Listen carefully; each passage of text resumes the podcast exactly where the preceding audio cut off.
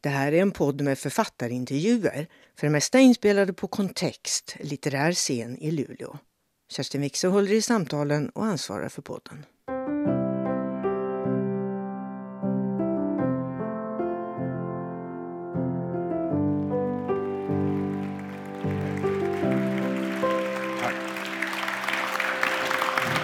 Och börja stöka till på en gång. Ska du börja med att snubbla på, på mattkanten? Vad säger man? Same procedure as last year.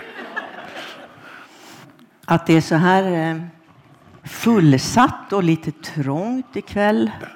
Det beror ju på dig, Rolf. Åh, men vilken underbar lokal. Alltså. Det är helt magiskt. Välkommen till Kontext och Ebenezer. Tack så hemskt mycket.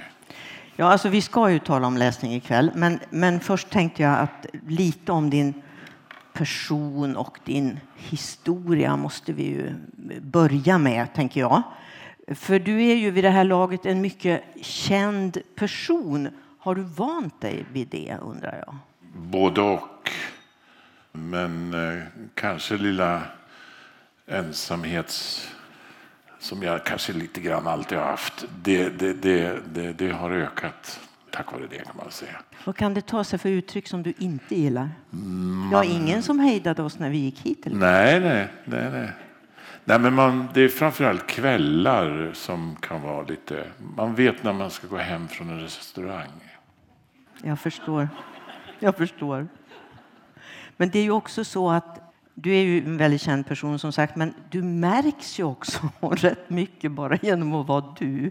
Du är liksom inte liten och nätt. Du sticker ut. Du syns i en församling.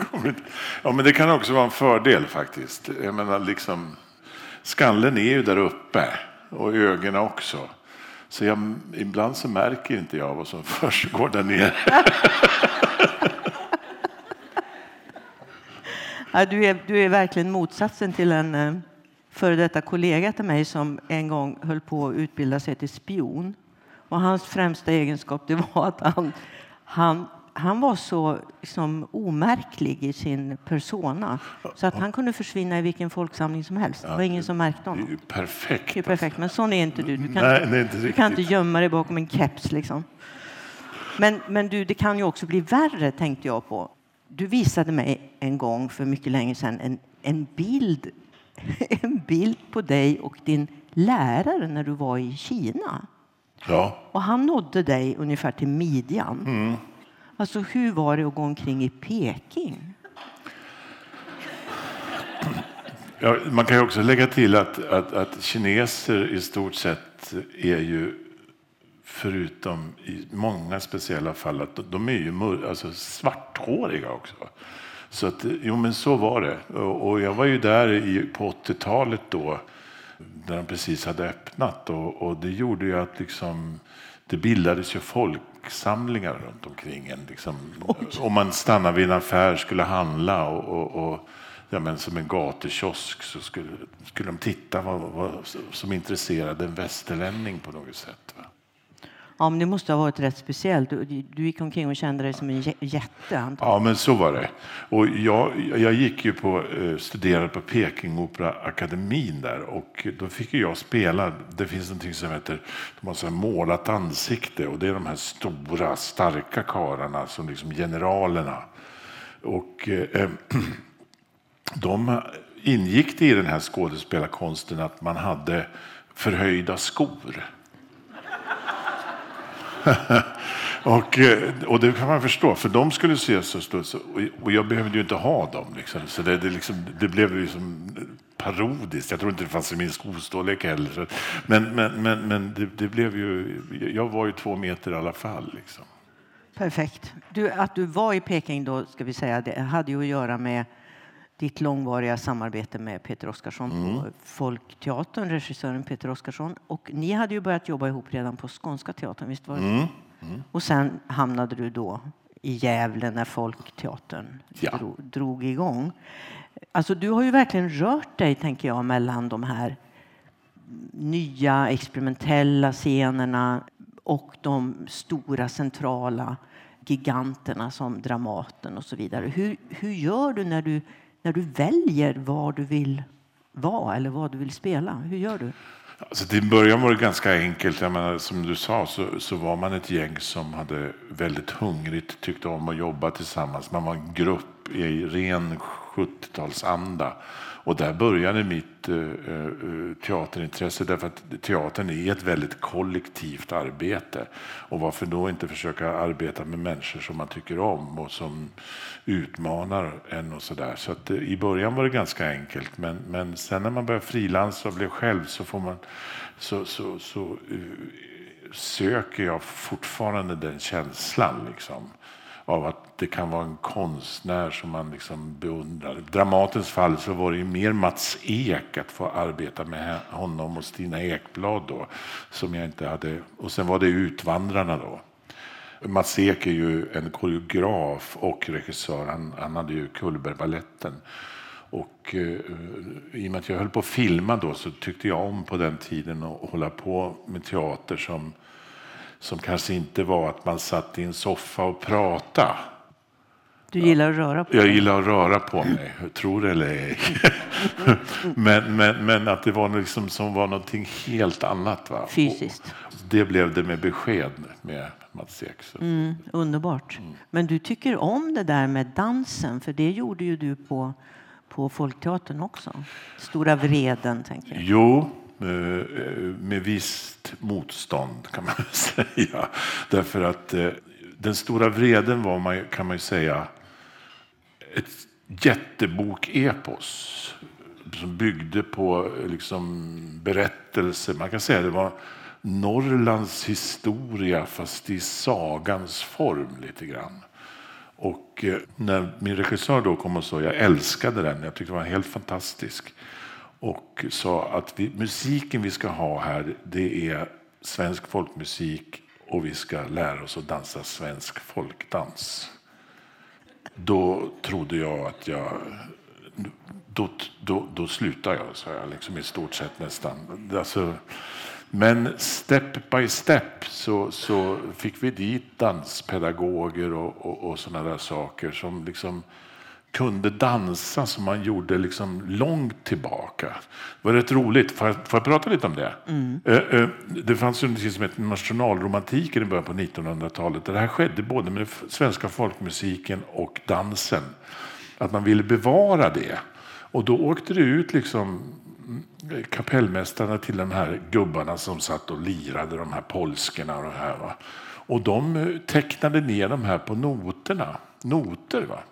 Och det gjorde att, eh, för de hade lite så här fultoner och sånt där. Och de noterna fanns inte att skriva vilket gjorde att man slätade ut det lite grann.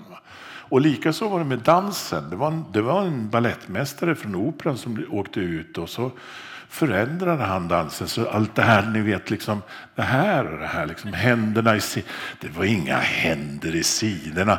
Så länge liksom, en kar och en kvinna dansade ihop så har händerna varit på andra ställen än i, i höften. Och likaså kom det här med sträckt vrist. Det var inga sträckta vrister. Så det, liksom, det var, det, ja, jag gick på det där mer och till slut så älskade jag det. Liksom. Det, det. Så du kan dina polskor och din schottis nu? Jag kunde väl kanske. Kunde. Ja.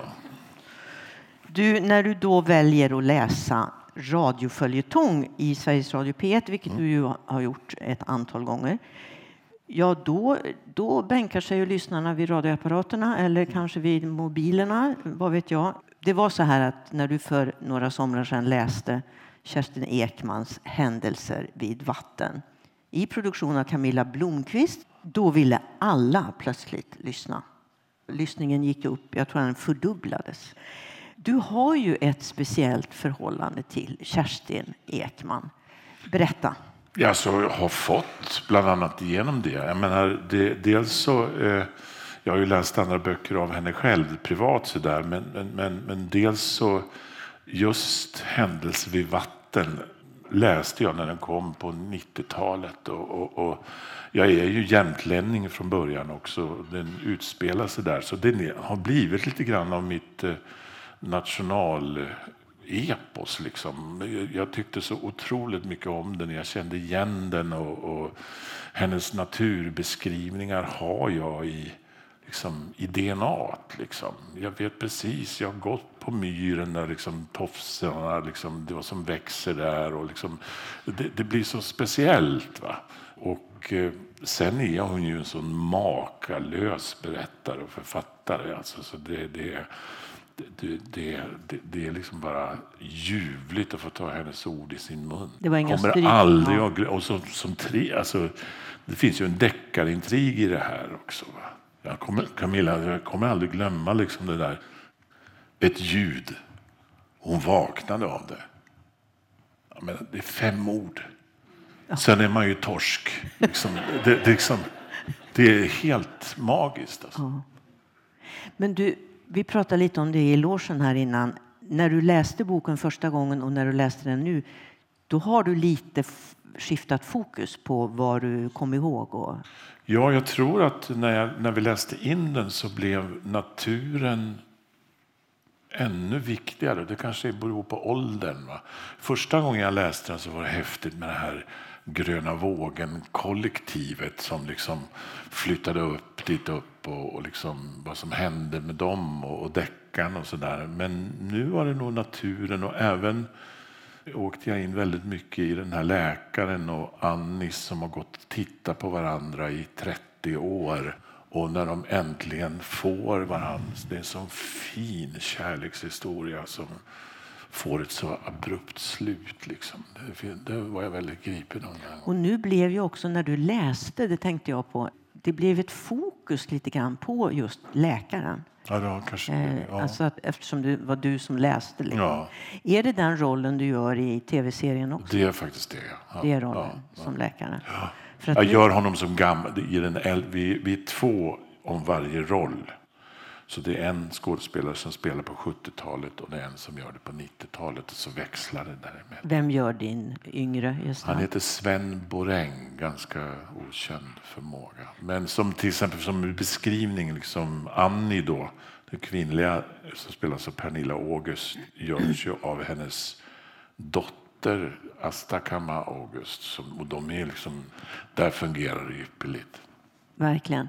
Ni vet att det blir tv-serie och att den börjar sändas i januari. Och hur många avsnitt? Sex. Sex stycken. Det ska bli otroligt spännande. Du, många tror ju då, eh, för att gå tillbaka till det här med uppläsning, eh, för det har jag ju stött på genom åren, så tror många kanske att att göra en uppläsning för radio, ja men då tar man väl en Rolf Lassgård eller någon annan skådespelare och så sätter man honom i en studio och ger honom en bok och sen är det klart. Liksom. Men riktigt så enkelt är det ju inte. Nej, oftast, tyvärr så är det oftast lite grann så det ser ut. Att förutom på, på radion. Därför att man, man får boken och så får man en tekniker och så kan han säga någon gång du snubblar lite där. Eller, eller det är det enda. Och så Nu pratar hålla om ljudböcker. Ja, ljudböcker. ljudböcker. Exakt. Men det som sker med, med, med, eh, eh, på radion är ju att man får en producent plus en tekniker då, som gör att eh, det finns ett fräscht öra där ute i kontrollrummet som kan säga eh, jag vet inte, jag menar, jag, du och jag gjorde ju Per Pettersson och, och det, det jag minns senast, jag vet inte hur många gånger Camilla sa att nu Rolf går det lite för fort. Nu går det, vi tar om det där, sänk tempot, publiken måste hinna med. För jag har ju läst den liksom fem gånger innan, innan jag liksom väl spelar in det. Det där med lyssningen ute i kontrollrummet, Mm. det är mycket viktigare än vad man tror kanske. Ja.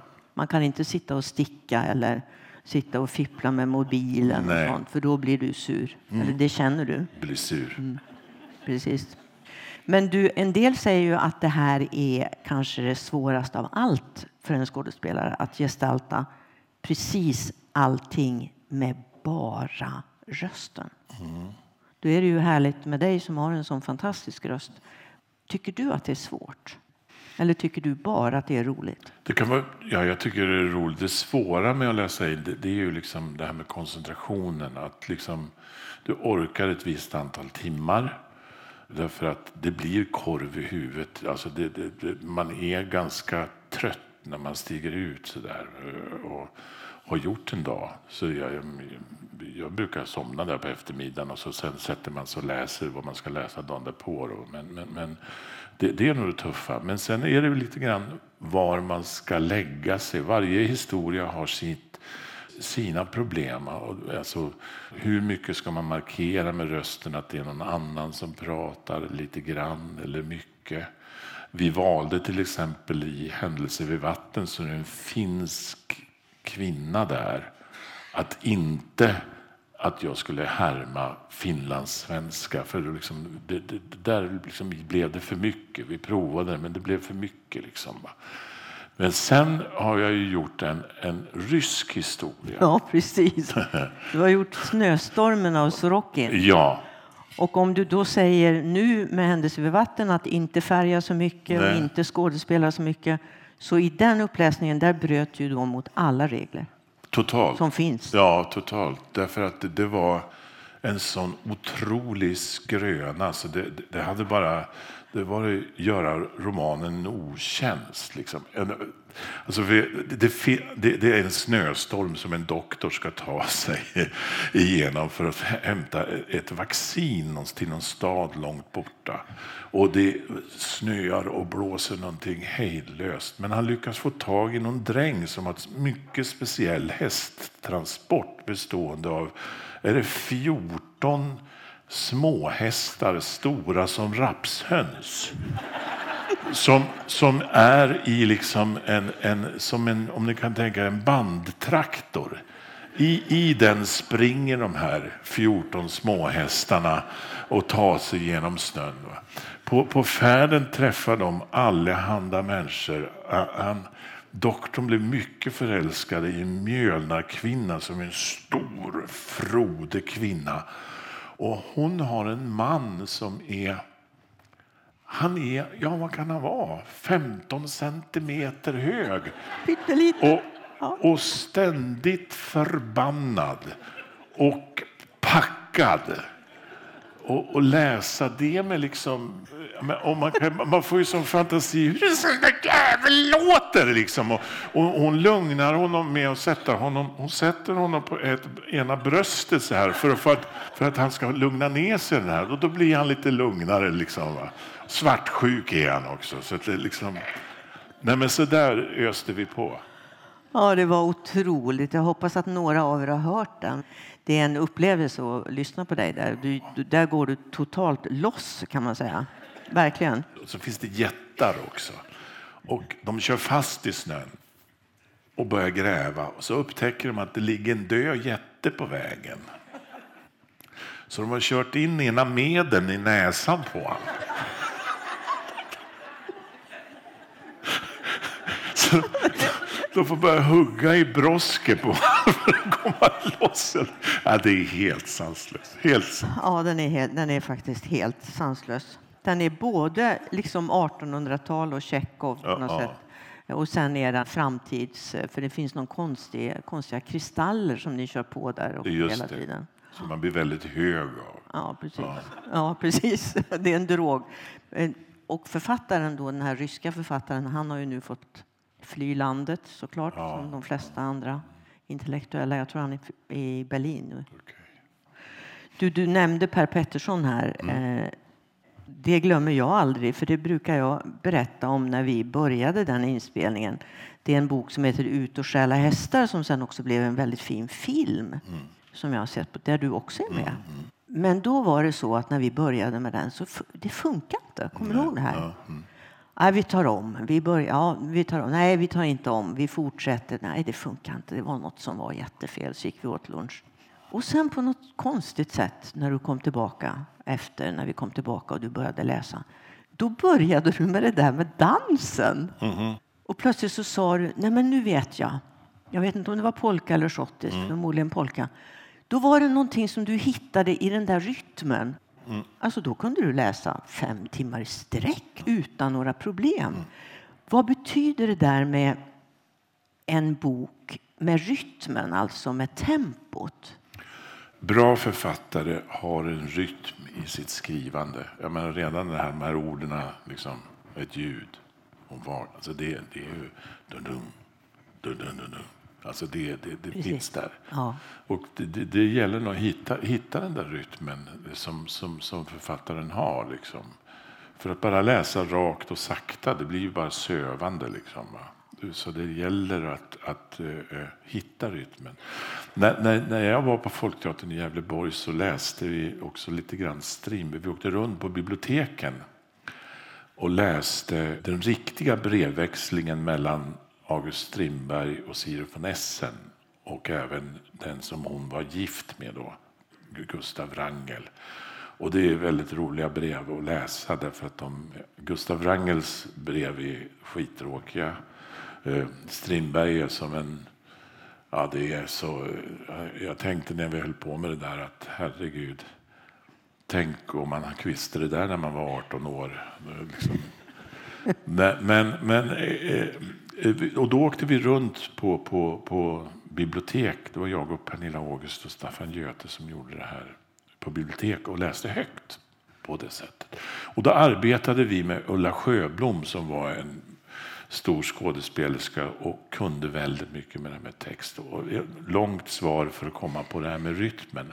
Och hon sa liksom, alltså att läsa staccato, väldigt så här, det, det, det, blir, det blir tråkigt. Det gäller att hitta det här legatot, att någonting kan pågå. Och hon, sa, hon gav mig en sån fantastisk bild att det är som en, som en bäck hela tiden. Liksom. Det pågår en rörelse framåt hela tiden och så rätt vad det är kvillar böcken iväg lite grann. Därför att det är inte så viktiga liksom, saker. Där kan vi gå snabbt och så kan det lugna sig sakta, stilla igen. Liksom. Och, och, och det där var på en andning. Liksom, ja. det, det, är lite trickigt att lära sig men, men, men, men när man väl börjar kunna använda det så är det väldigt ljuvligt faktiskt. Ja, det är en fantastiskt bra bild. Mm. Men hur gör man då med pauserna? En bäck tar ju aldrig paus. Ja, men man får väl föreställa sig att man är en liten barkbåt i bäcken. Och så liten, fastna, liten. fastnar man vid en sten någonstans. ja. eller sånt där.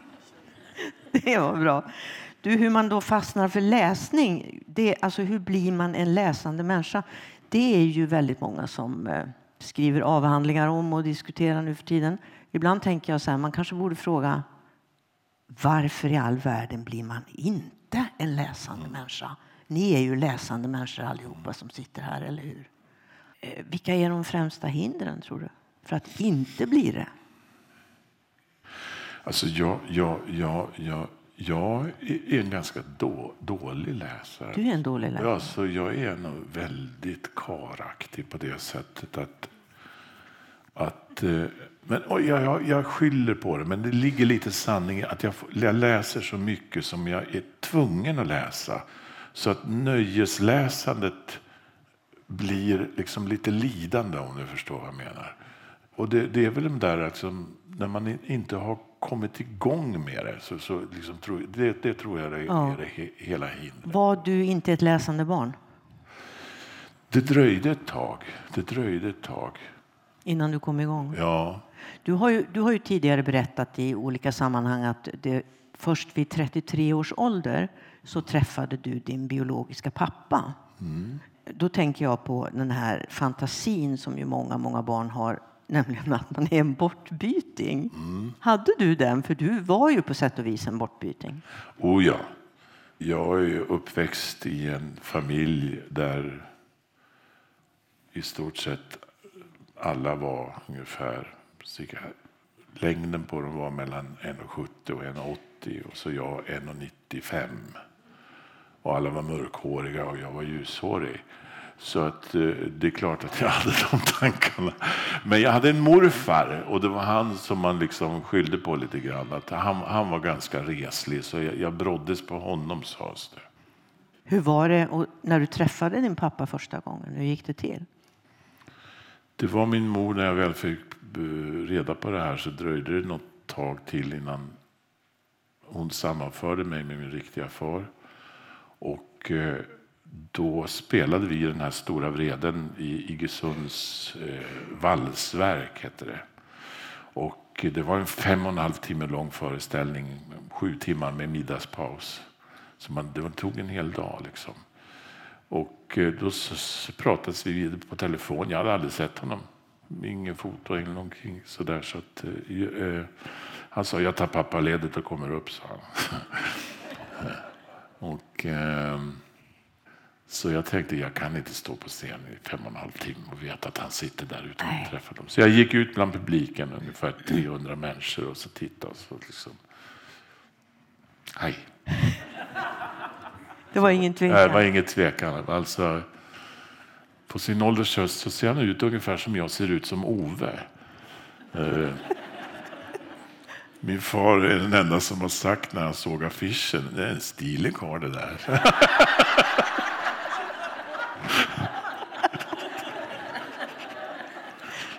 Men mitt i allt, Rolf, så är du lite osäker på om du, om du är adopterad eller inte. Ja, du sa det. Jag är alldeles slagen. Nej, jag tror inte att jag är adopterad.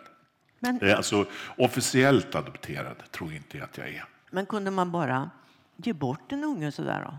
Ja, men egentligen så är det ju liksom, är man en schysst man så kan man gå in och säga ja, men jag erkänner det faderskapet och så skriver man på det så är det klart.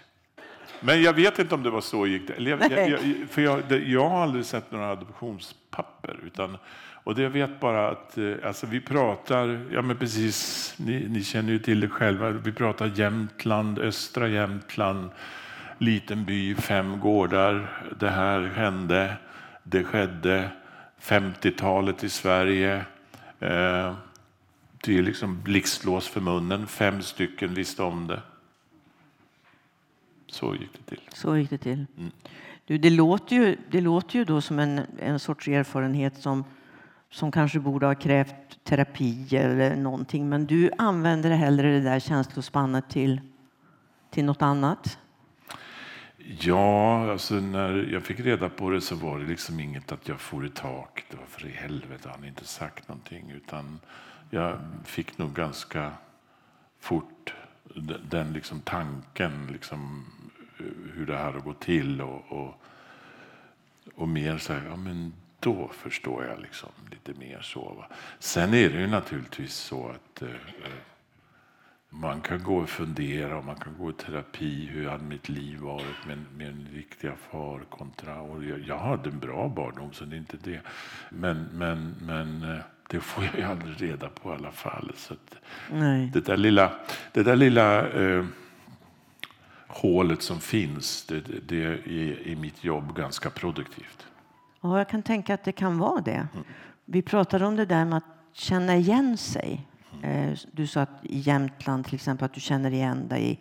Man kan känna igen sig i ett ansikte eller ett landskap. Eller, är, det, är det viktigt i en uppläsning eller i en gestaltning av en roll överhuvudtaget? Eller fixar man det som skådespelare ändå? Även om man inte har några referenser? Måste man skaffa sig referenser? Det kan väl gå i alla fall, så kan man skaffa sig referenser. Men, men eh, om jag tittar på de böcker som jag har fått läsa hos er till exempel så finns det väl ganska tydligt alltså ett val. Att, att ni, vill, ni vill att den ska passa. Ni, ni har rösten, ni har, ni har att, att personen i fråga vet vad man pratar om. Mm. Det, det, det. Vi har redan gjort ett sorts val. Eh, någonstans. Någonstans ja, det är där. liksom en casting. En casting, precis. Ja, ja. För senast nu så läste du Löpa varg. Mm. Och då tänker jag på den berättelsen, för det handlar ju om en man som är, han är ju äldre än vad du är, mm. men var det en man att känna igen sig i ändå? För det var en man som har levt, han har levt ett långt liv och han börjar han börjar ångra saker och ting. Han mm. börjar tvivla. Mm. Kunde du bottna i den känslan eller är du en sån här obrydd, otvivlande människa? Nej, absolut. Och det där har ju med åldern att göra. Det finns de där momenten att eh, eh, jag menar, så skådespelare har nästan levt hela sitt liv på det sättet. Man behöver inte vänta tills man blir pensionär. Men det finns ju en funktion av som skådespelare att någon kommer och säger liksom, får jag lov? Vill du vara med? Och han upplever ju här för första gången liksom det här att inte vara behövd. När det brinner i skogen så, så vill han hjälpa till. Nej, men åk hem du och titta till din egen skog istället. Och så vi har ju yngre folk här som kan göra det där. Liksom. och, och, alla de där sakerna, det är klart det går att känna igen sig i. Mm. Absolut. Mm. Det kommer, ja. kanske. Ja, inte ja, säkert. Ja, ja. Jag tror inte det egentligen. Du kommer vara med länge. Du har ju fått verkligen försöka förstå väldigt mycket i alla de roller som mm. du har gjort. Skiftande erfarenheter. Också kvinnor på senare tid. Mm. Alltså, eller senare tid, det är väl drygt tio år sedan du gjorde Hairspray på Kina. Men nu också då min pappa Marianne. Mm. Och då blir man ju nyfiken, alltså för att du har ju ofta spelat såna här genomtrygga manliga förebilder. Alltså den typen av man med din röst och din mm. gestalt och så. Och nu ska du då ta fram det här feminina. Mm. Hur gör du då? Alltså, det första var, det var, det var, det var musikalen Hairspray. Och det är, det är en helt annan värld. Men, men, när någon ringer till mig, och jag visste inte vad Hairspray var, jag ska sätta mig musikalen heter Hairspray, jag skulle vilja att du spelar mamman.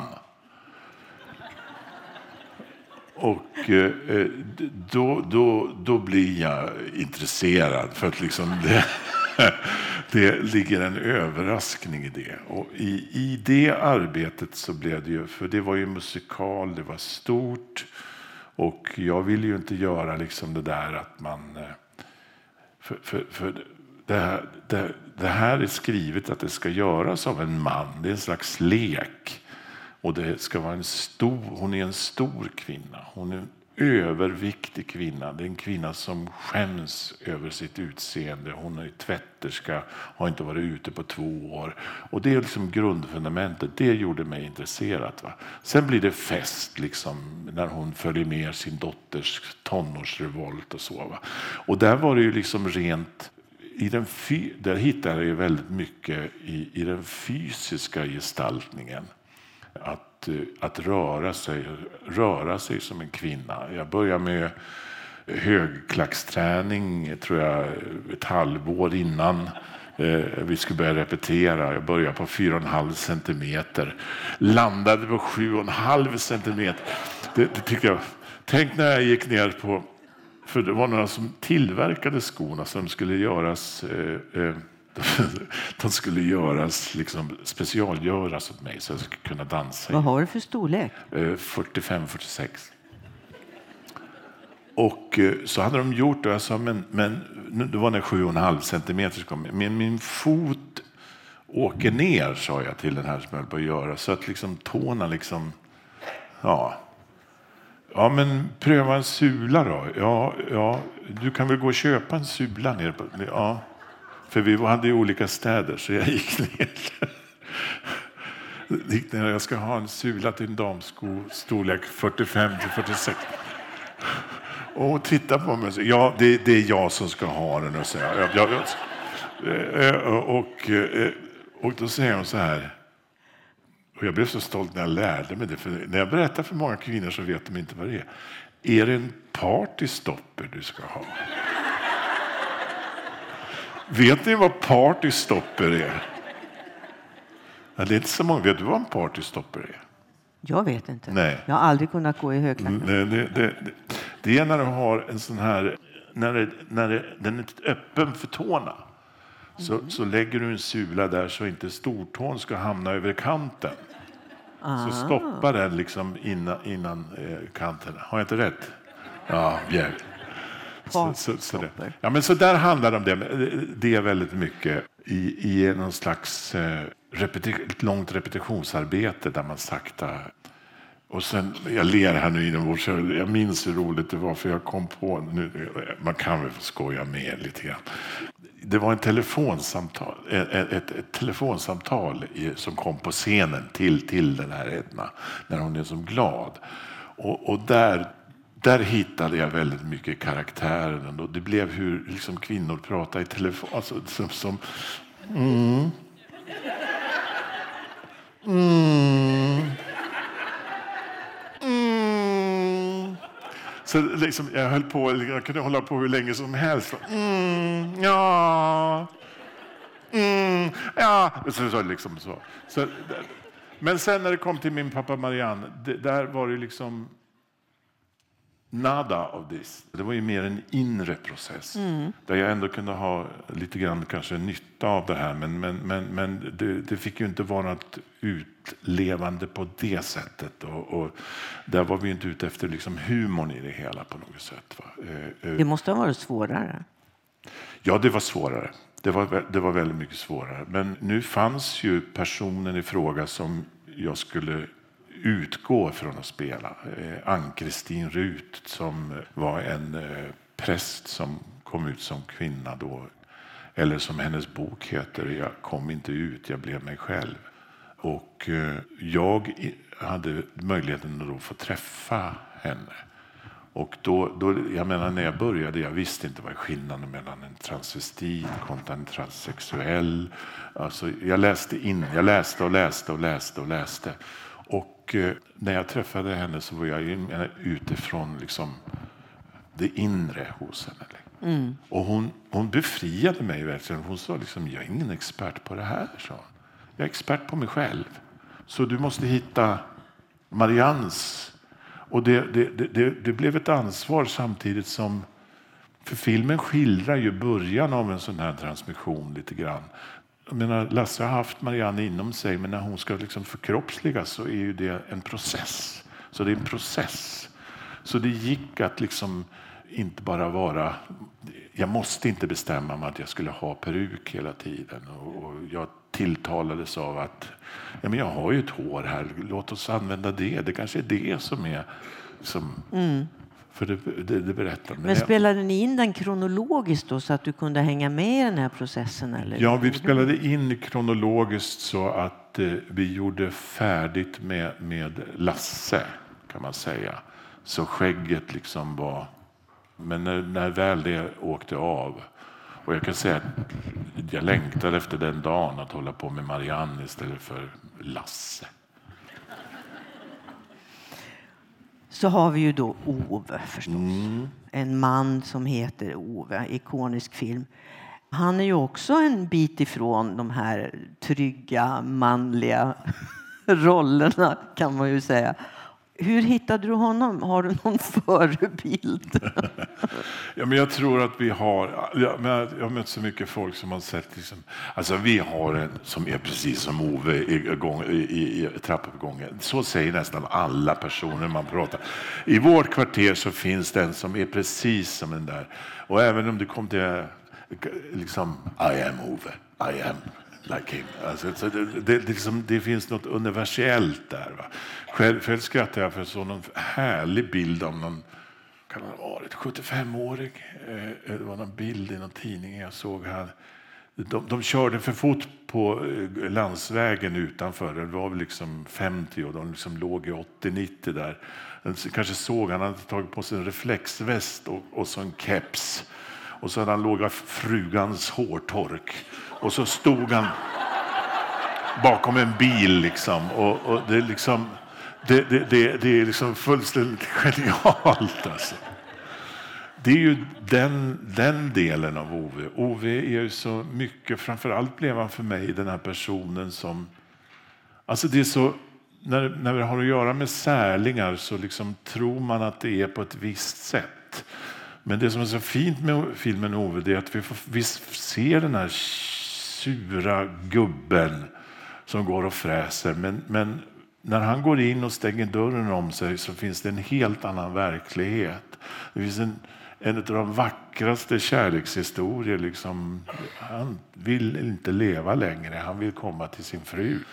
Och eh, besöker henne vid gravstället. Så det finns en, otrolig rikedom. Han var ju som en sån kinesisk ask. Du lyfter en och så kommer en till och så kommer en till. Som, som, eh, men jag menar, eh, att hitta gubben var ju mycket associationer med manuset. Och när jag, jag fick se en databild, för de sa vi måste få bort ditt blonda hår. Och så såg jag liksom en som inte det var färdig, va? men jag tänkte där, där, där är han. Och den masken gav mig liksom det går inte att liksom bara vara Rolf Lassgård alltså, och sätta på sig utan man måste skaffa sig rent kroppsligt hänga på i kostym, i, i, i sättet att röra sig. Liksom. Det finns hänvisningar i boken. Eh, första sidan tror jag det till och med står att när Ove pekar så är det som när en polisman lyser med en ficklampa. Och det där är en jättespännande sak och jag tror jag höll på där och liksom, jag tror det slutade med liksom understryka vad han säger och sådana saker. Har du, har du, tror du att ovarna i vår värld gick och såg din film? Har du träffat, har du träffat några som har velat prata med dig om det? Åtminstone en amerikaner sa I am Ove. Men oftast var det ju faktiskt, jag menar det återigen, kvinnor läser väldigt mycket. Det, det, här är, det här är min man. Det här är min man. Det, det var nog mer så. Det var mer så. Alltså, ibland hör man ju om eh, hör man ju ofta att skådespelare säger att jag försvarar min rollfigur i alla lägen. Det låter ju väldigt bra, liksom. men mm. vad betyder det egentligen? Kan du ge något exempel? Uh, alltså det betyder ju det att du, du, du, du har skapat en så stor förståelse för, för eh, personen i fråga.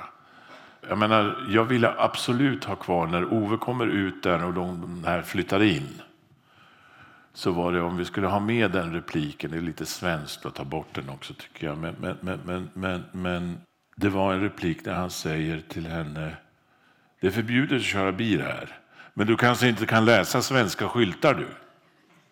Och den är ju på gränsen. Va? Jag ville absolut ha den därför att eh, Därför den, den, den, eh, och det är inte det att, och därför kan jag försvara honom. Nej, han är inte rasist. Han, han behandlar alla lika. Ja. liksom fullständigt rättvisa. Och framförallt vill jag ha det därför att då säger hon, är det jag som kör kanske? Säger hon. Och redan där klickar det mellan de här två människorna. För han har gått, antingen så, så, så, så, så, så liksom blir folk tysta när han håller på. Han, han kväver dem. Eller så pratar de bakom ryggen på honom. Alltid. Plötsligt är det någon som likadant bara ger en smocka tillbaka. Liksom. Är det jag som kör? Det är väl lite grann att försvara sin karaktär. Liksom. Mm. Sen kan någon säga att ja, men det är kanske är ett rasistiskt uttalande. Ja, men, men, ja. Men han är inte rasist. Nej, han är inte rasist. Nej, det är mycket med Ove kan man säga. Mm. Det händer mycket med honom i den filmen. Mm. En så kallad utveckling. Du, vi ska prata lite mer om läsning, men vi måste nästan, vi måste nästan få höra dig läsa lite, eller hur? Ja, men vi tar något. Vi eh, tar något. Vad tar jag, du? jag har, har sedan många år tillbaka lite grann sådana här särlingar. Och de finns både som höga och låga.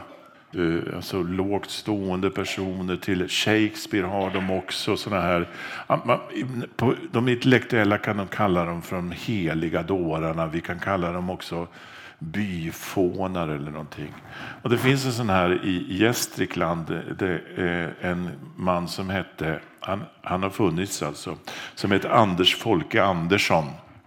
Och han, han eh, åkte in, var väl lite glad i sprit, han åkte in och ut eh, på mentalsjukhus och fick några elchocker och allting sånt där. På sin ålders höst så tas han om hand om sin mor nej, av, av, av författarinnans mor passar honom för att hennes mamma måste få vila. Han, han, han är naturligtvis jobbig.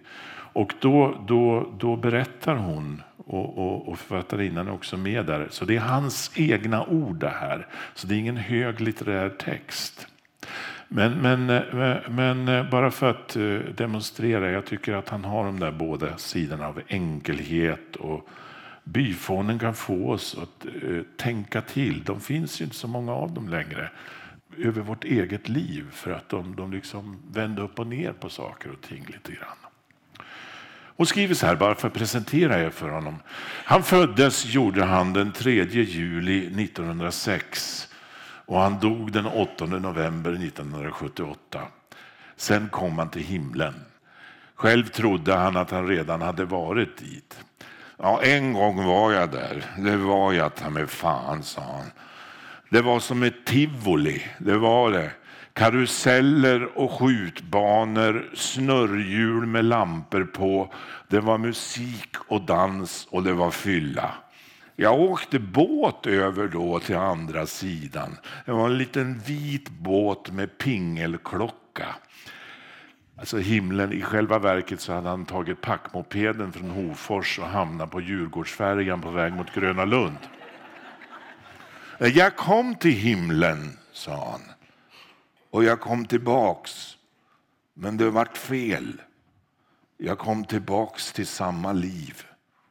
Nästa gång ska det väl bli rätt. Då blir det annat. Jag läser två kapitel. Ja, gör det.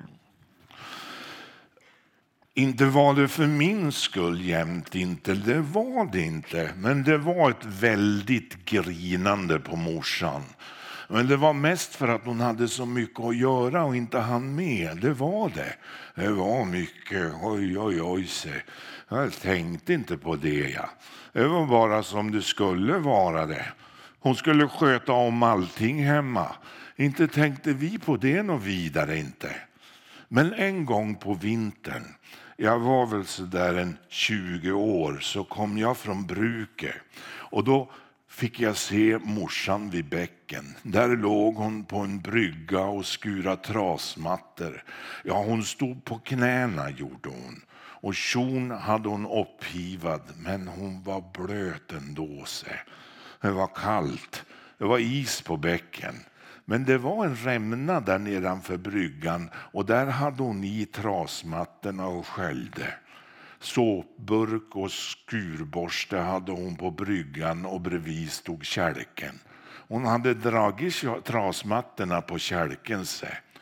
Och jag vart så in i helvete förbannad när jag såg morsan ligga där. Inte ska du ligga där inte morsan, sa jag. Nu tar du kälken och går hem, sa jag. Jag ska göra färdigt först, sa hon. Mattorna blir inte rena på något annat sätt, sa hon. Och hon fortsatte att skura. Och jag gick hem. Inte tänkte jag på att hjälpa till, det tänkte jag inte alls på då. Jag kunde ha stannat där vid bäcken tills hon hade skurat färdigt och jag kunde ha dragit kälken hem längs vägen och upp för backen. Men det tänkte jag inte alls på då. Jag gick hem jag och satt hemma och var förbannad för att inte hon var hemma. Det var hemma hon skulle vara, tänkte jag elda i spisen och koka kaffe och sköta om. Nere vid bäcken skulle hon inte vara, tänkte jag. Det var jävligt tomt och kallt när hon inte var hemma. Så det satt jag och var förbannad för. Inte hade jag tänkt på mattorna förut, inte. det hade jag inte. Inte hade jag tänkt på vad det var för arbete med sådana. Jag hade inte lagt märke till det. Ja, hon vävde dem, det visste jag. Men det där med skurning och tvätt, det hade jag inte tänkt på förut. Och måste ha skött om sånt när jag inte hade sett det. Men när jag var inlåst, då tänkte jag på det på allting hon fick hålla på med ensam. Och jag tänkte på det där vid bäcken på vintern den där gången. Jag hade kunnat ge morsan ett handtag med matten och jag hade kunnat dra kälken hem. Men det gjorde jag inte. Jag gick bara hem, ja. Och hon låg kvar där på tvättbryggan. Jag tänkte på det många gånger på sjukhuset. Det var mycket jag tänkte på då och såg på ett annorlunda vis. Men hon brydde sig nog inte om det. Hon tyckte nog inte jag var dum när jag gick hem utan att hjälpa till med mattorna och kälken. Det gjorde hon nog inte. Hon höll på tills det var färdigt bara och tyckte det var skönt att komma hem sen. Och när hon kom hem så satte hon väl fart med det som skulle göras. Och där satt vi i väntan på morsan allihop. Men hon var ledsen för min skull, det vet jag, när jag gick hem från kyrkan den där gången hon drog med mig dit. Det har jag tänkt på mycket också. Men jag kunde inte göra på något annat vis. Jag har aldrig gått i kyrkan sen och jag ångrar den där gången. Jag skulle aldrig ha gått med dit. Hon trodde det var bra för mig hon att gå i kyrkan, men det var det inte alls. Jag skulle aldrig ha gått. Morsan gick i kyrkan varenda söndag. Hon. Det gjorde hon, om hon bara kom ifrån så. Och flera gånger sa hon åt mig, följ med till kyrkan du Anders. Hon ville det. Hon ville jag skulle höra på prästen. Hon tyckte prästens tal var så fint. Se. Alla dagarna emellan hon var dit gick hon och tänkte på vad prästen hade sagt. Hon var kär i prästen, se. det var hon. Hon tyckte det han sa var finare än allt annat hon hade hört. Han sa ord så hon grät och det tyckte hon visst om. Jag skulle aldrig ha gått med dit. Men jag gjorde det en gång. Jag lydde, jag gjorde som hon sa. Jag gick med dit. Vi gick till kyrkan. Och när han satte igång där uppe i predikstolen så tog hon fram näsduken direkt. Då sa jag till morsan, nu går jag. Nu går jag härifrån, nu går jag hem, sa jag. Adjö med dig morsan, nu går jag, sa jag. Och jag gick. Sen sa jag åt morsan, jag går aldrig i kyrkan och mer. Och det gjorde jag inte heller. Hur kan du vara så dum, sa jag. Går du till kyrkan för prästfans skull, sa jag. Morsan, du är snäll mot mig och mot allihop, sa jag. Men inte kan du få vara kär i en präst, sa jag. Han kan säga fina ord så du grinar, det kan han nog, sa jag. Men någon gud är han inte. Du tror visst han är Gud du morsan, sa jag, men det är han inte. Han kan nog tycka synd om dig med sina ord. Han kan klappa dig på axeln med sina ord. Men han bryr sig inte om det. Det ska du inte tro morsan, sa jag. Gud är han inte, sa jag. Prästen är ingen Gud. Han är inte mer Gud än jag, sa jag. Och då vart morsan så förskräckt. Vad säger du Anders. Säger du du är som en präst eller säger du du är Gud, sa hon. Någon präst är jag inte, sa jag till morsan. Men jag kan vara Gud, det kan jag. Men Anders, vad är det du säger? Sa hon och satte igång och grina. Du bara grinar du, sa jag. Det är inte bra. det. Sluta grina nu, morsan. Det är ett väldigt grinande på dig jämt. Inte ska du hålla på och grina inte, det är det värsta som finns, sa jag. Och inte ska du sitta och grina i kyrkan heller. Du säger det är bra att gå i kyrkan, det är fint och nyttigt och bra säger du. Och så tar du upp näsduken och torkar i ögonen så fort som prästfan öppnar käften, sa jag. Det kan väl inte vara fint och nyttigt och bra då heller, sa jag. Och det ska jag säga dig morsan. Jag kan visst vara Gud själv. Det kan jag. Det är jag. Ibland, sa jag. För jag har sett allting, jag förstår allting. Ibland gör jag det. Det finns såna stunder, sa jag. Det finns stunder i livet då en människa är Gud. Det gör det, morsan, sa jag. Du med kan vara Gud ibland, sa jag åt morsan.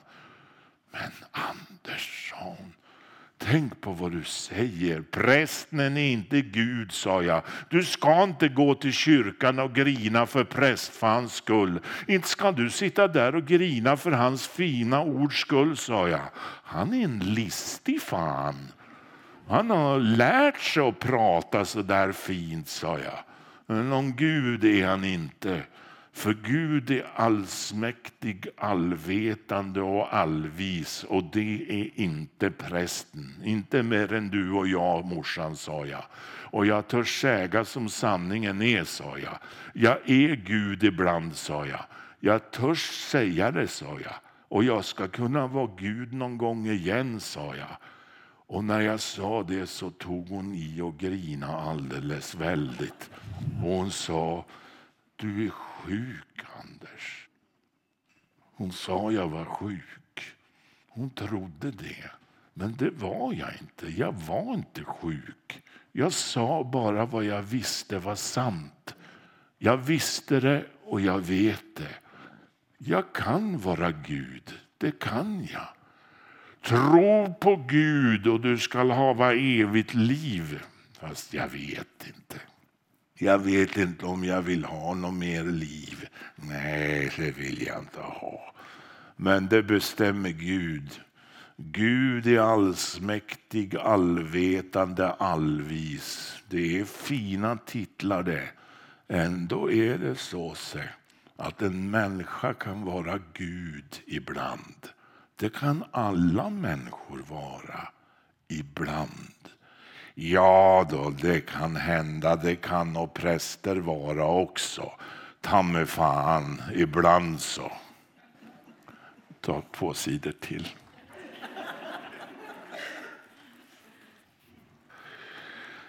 Och jag låg där i ett litet rom. Det var i källaren, ja, ett källarrom de hade lagt mig. Det var som en fängelsecell det där rummet. Stengolv och stenväggar och ett litet smalt gallerfönster överst inunder taket. Ja, det var mer som en ventil än ett fönster det där. Och inte kommer jag ihåg vad det var som hade hänt före, varför de hade lagt mig där. Det var sällan jag begrep hur det var med någonting. Jag låg på en hård madrass med segerduk omkring och var fastbunden med armarna mot ryggen. En tvångströja hade de satt på mig och jag frös gjorde jag. Kom och hjälp, skrek jag. Ta mig härifrån. Men ingen kom. Det var mörkt först. Sen var det ljusare och sen mörkare igen. Det var väl en hel dag som gick. Och jag skrek på hjälp och jag bad till Gud och tänkte, är jag en människa? tänkte jag. Varför har de låst in mig så här? Jag kommer inte ihåg om det var på Sidsjön eller Ulleråker det var det där. Och inte vet jag om det var efter en elchock eller efter ett långbad som de hade lagt mig i det där källarrummet. Det var kallt så in i helvete. Jag frös gjorde jag. Gud hjälp mig härifrån. Ibland sa jag det, ibland skrek jag så. Rop på rop, så höll jag på så kom jag ihåg att Gud, det var ju jag med. Så jag sa mitt eget namn istället. Istället för Gud så sa jag Andersson. Och istället för att ropa Gud hjälp så sa jag hjälp mig härifrån Andersson. Jag sa också mitt fulla namn, Anders Folke Andersson. Ibland sa jag det och ibland skrek jag rop på rop, så höll jag på. Då kom en ängel i fönstergluggen och trängde sig in och kom in till mig där. Och det var alldeles ljust och varmt. Det vart ljust och varmt som en sommarkväll och det var som om man skulle se rakt mot solen, så ljust. Det tog ett tag innan jag kunde öppna ögonen. Det var själva ängeln som lyste. Han hade ljust hår och ljusa ögon. Ansiktet det var som luft. Ja, hela kroppen hans var ju som luft. Men han hade breda vingar. Väldigt breda vingar och som en vit klänning på sig. Vingarna var hopslagna först men när han bredde ut dem så nådde de från vägg till vägg. Han fyllde upp det där lilla rummet. Han. Helt och hållet fyllde han upp det. Och det var som något frasande vitljust prassel i hela rummet. Han var liksom in och runt omkring på samma gång. Hur kom du in hit? sa jag. Det minns jag att jag sa. Jag kom inte på något annat. Jag tyckte jag skulle säga någonting. Jag var förskräckt när jag såg vingarna gå från vägg till vägg. Men mest för att någonting så stort kunde komma in genom den där lilla gluggen som mest var som en ventil. Komma igenom någonting så trångt och sen fylla upp hela rummet. Jo, det gick, sa han. Det lär gå det med sig. Han kom in. Han var där.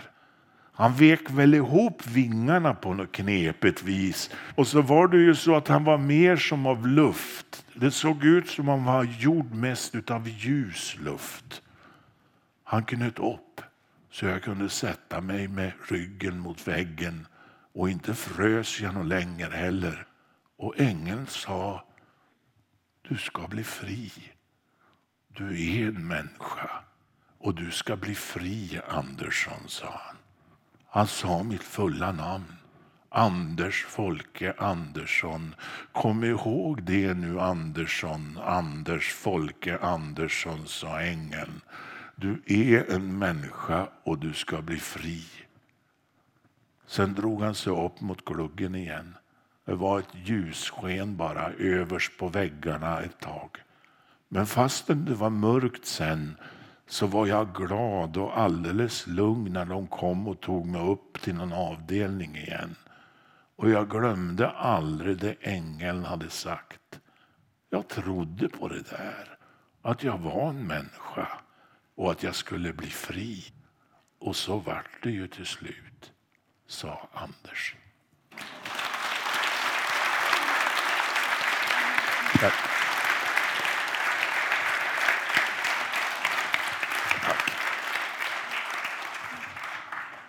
Ja, det är underbart Rolf. Här hör man ju bäcken. Nu förstår jag bäcken, vad du menar. Alltså Ingmar Bergman han lär ju ha sagt att en skådespelare kan bara hålla absolut närvaro i typ en minut, men då hade han inte träffat dig. Alltså hur gör du? För närvaro är ju ett nyckelord när det gäller, som vi hörde, Jo, men ni märker ju, jag älskar ju han. Ja, jag menar, jag, jag är ju med honom liksom. Det, det, det, Alltså man ryser ju. ja, jag tror är, att jag har läst ja. den här nu på, måste vara åtta, nio år liksom. Eh, Och, och, och det är bara liksom, han bara kommer till en och liksom och det finns ju inget litterärt. Det här är ju vad han säger. Molly, eh, Molly Jonsson som har skrivit eh, den här lilla ro, dokumentärromanen då är, är ju liksom, hon har ju tecknat ner vad han säger. Men hon har ju gjort det på ett konstfullt sätt. Ja, det, har, det tycker jag verkligen. Det tycker jag. För att tala nu om rytm. också. Ja, ja, ja, visst. visst. Men det här med närvaro då för att vi radioproducenter, då säger vi så här, nej nu är du inte i texten. Ja, ja. Du kan vara för trött eller liksom eh, hungrig eller någonting. Vad är det där att vara i texten? Det är en blandning av att, eh, eh, att, att vara så väl förberedd. Det är ett tekniskt arbete. Så jag vet ungefär. Men det går ju inte när man läser en roman. Men det går ju att förbereda de 50 sidorna vi ska läsa nu. De kan jag så pass bra alltså i, i, i handling så jag vet vad det handlar om. Men sen det som kan ske då, det, det är att har man då förberett sig så, så, så läser du utan att snubbla. Men sen är det plötsligt att du ger texten det arbetet så tar texten med dig. Den kan också ta med mig när, och jag tror nästan att det är då det blir som bäst. Det är Liksom. då det blir som bäst. Ja, när det liksom smalt, smälter ihop. Liksom. Men sen, sen så det du satsar då, om vi nu ska prata som poker, höll jag på att säga, det är ju också hela din skådespelarerfarenhet. Alltså du har ju med dig alltihopa egentligen. Är du en ovanligt eh, självsäker skådespelare? Eller har du Nej. mycket självförtroende? Nej, nej, nej, nej, Nej, nej. det känns ju som att du har det. Ja, men det är nog... Det är skådespeleri. Det är nog, jag menar, eh, det är nog storleken som gör att man, man verkar så. Men det, det, det finns en liten pojk här också som är... Men det, sen det beror ju på olika saker och ting. Liksom. Det, det, det, jag menar, just nu känner jag mig av- avslappnad och liksom... Du är bland vänner. Jag är bland vänner. Det, det, det, vi pratar om liksom, roliga saker som jag inte pratar om så ofta. Du, då kanske vi ska säga när vi ändå håller på är så här snälla eh, någonting eller du kan säga något snällt om Norrbotten. Alltså det är ju lite känner jag det som att du har jobbat så mycket här uppe. Så att jag inbillar mig att folk i Överkalix och Älvsbyn och nu Arvidsjaur, de tycker väl att du hör hit? Eh, ja, är det så så blir jag glad för det. Det, det, det är därför att jag har, trivs att jobba här. Det har alltid varit eh, förenat med lyckliga stunder, liksom. vare sig det har handlat om jägarna, händelser i vattnet eller någonting annat. Liksom. Det, det, och jag menar, jag vet ju att ni ofta säger det, liksom Jämtland inte Norrland. Och så men, men det, det, brukar jag förlåta er. Så men, men, men jag tycker att det finns en stark eh, likhet i ja, någonstans ovanför Dalälven där. Som jag det är något igen. Du, kände, något du ja, känner igen ja, känner, Som jag känner ja. mig hemma i. Liksom. Ja. Och nu sa du ju då jägarna, för jägarna har väl också en, en kanske en lite speciell plats i ditt, mm. ditt hjärta. Absolut. Nu blev det en säsong till och mm. det hade gått 25 år. Alltså det är ju ett, det är nästan ett yrkesliv. Ja. Ja, men det, var, det var mäktigt därför att uh, i den här andra säsongen då så, så åkte vi ju faktiskt tillbaka till gården som sprängdes i luften då 1996. Och den gården såg ju delvis då ut, vi sprängde den inte på riktigt. Och, och, och, vi låtsades lite grann att hela kåken gick inte åt för han har ju byggt upp den då liksom igen. Så att den såg ut på baksidan exakt som den gjorde i mitten på 90-talet och så hade vi målat en röd där på, på framsidan.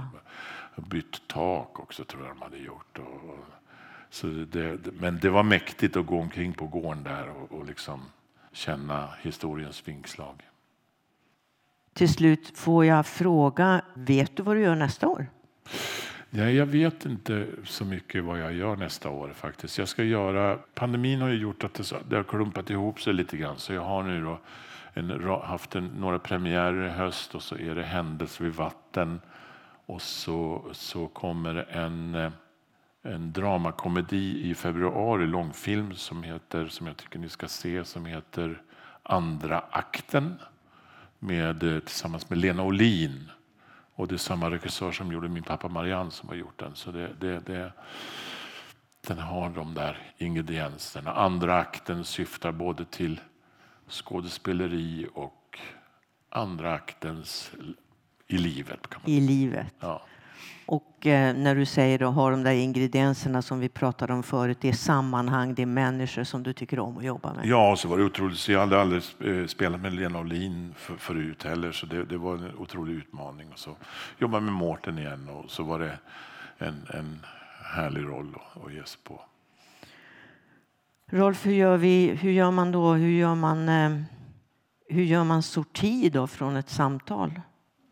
Från det här samtalet? Vad gör vi? Jag vet inte. Shakespeare, törs du dig på det? Vågar det, men det finns risker med det. Alltså.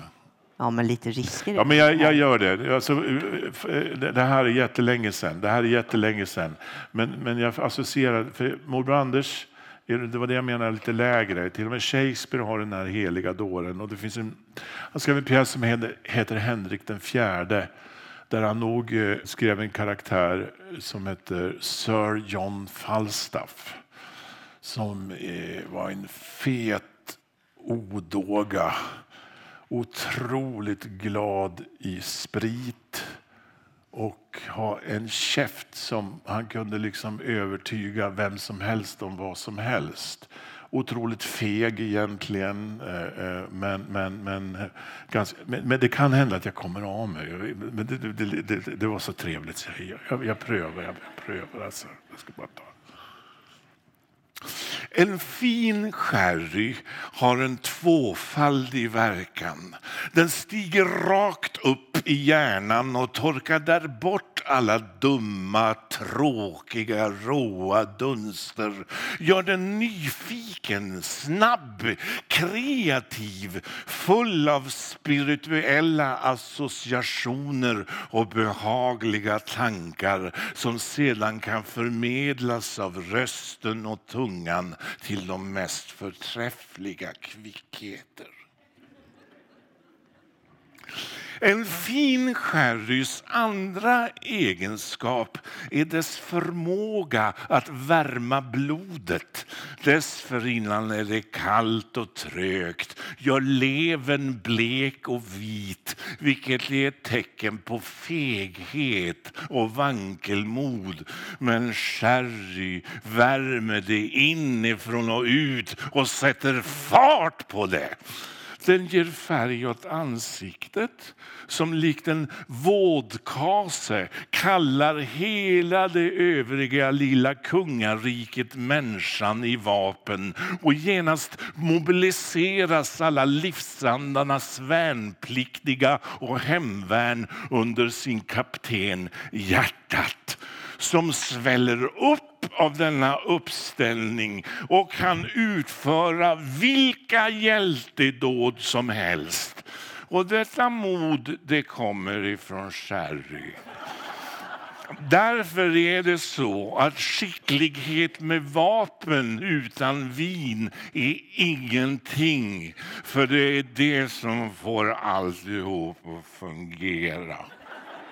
Och kunskapen är en förborgad skatt hos djävulen tills vinet promoverar den och ger behörighet att praktisera. Härav följer att prins Henke är tapper för det kalla blod han ärvt efter sin far. Det har han som en, genom en ofruktbar och karg och öde jord brukat och gödslat och plöjt med utomordentlig omsorg. Och det har han gjort genom att dricka stora kvantiteter och kvaliteter av nyttig sherry.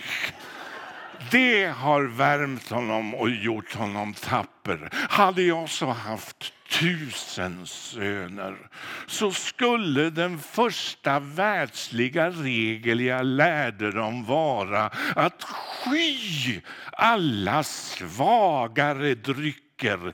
Satsa uteslutande på... Ja! Rolf Lassgård. Gud så roligt det här var. Ja, tack.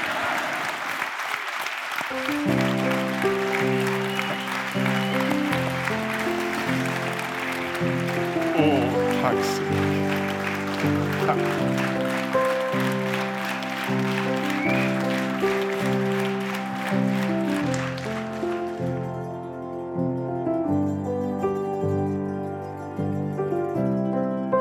Kontext Podcast produceras i samarbete med Kontext, litterär scen i Luleå. Författarscenen drivs med hjälp av Statens kulturråd och Luleå kommun.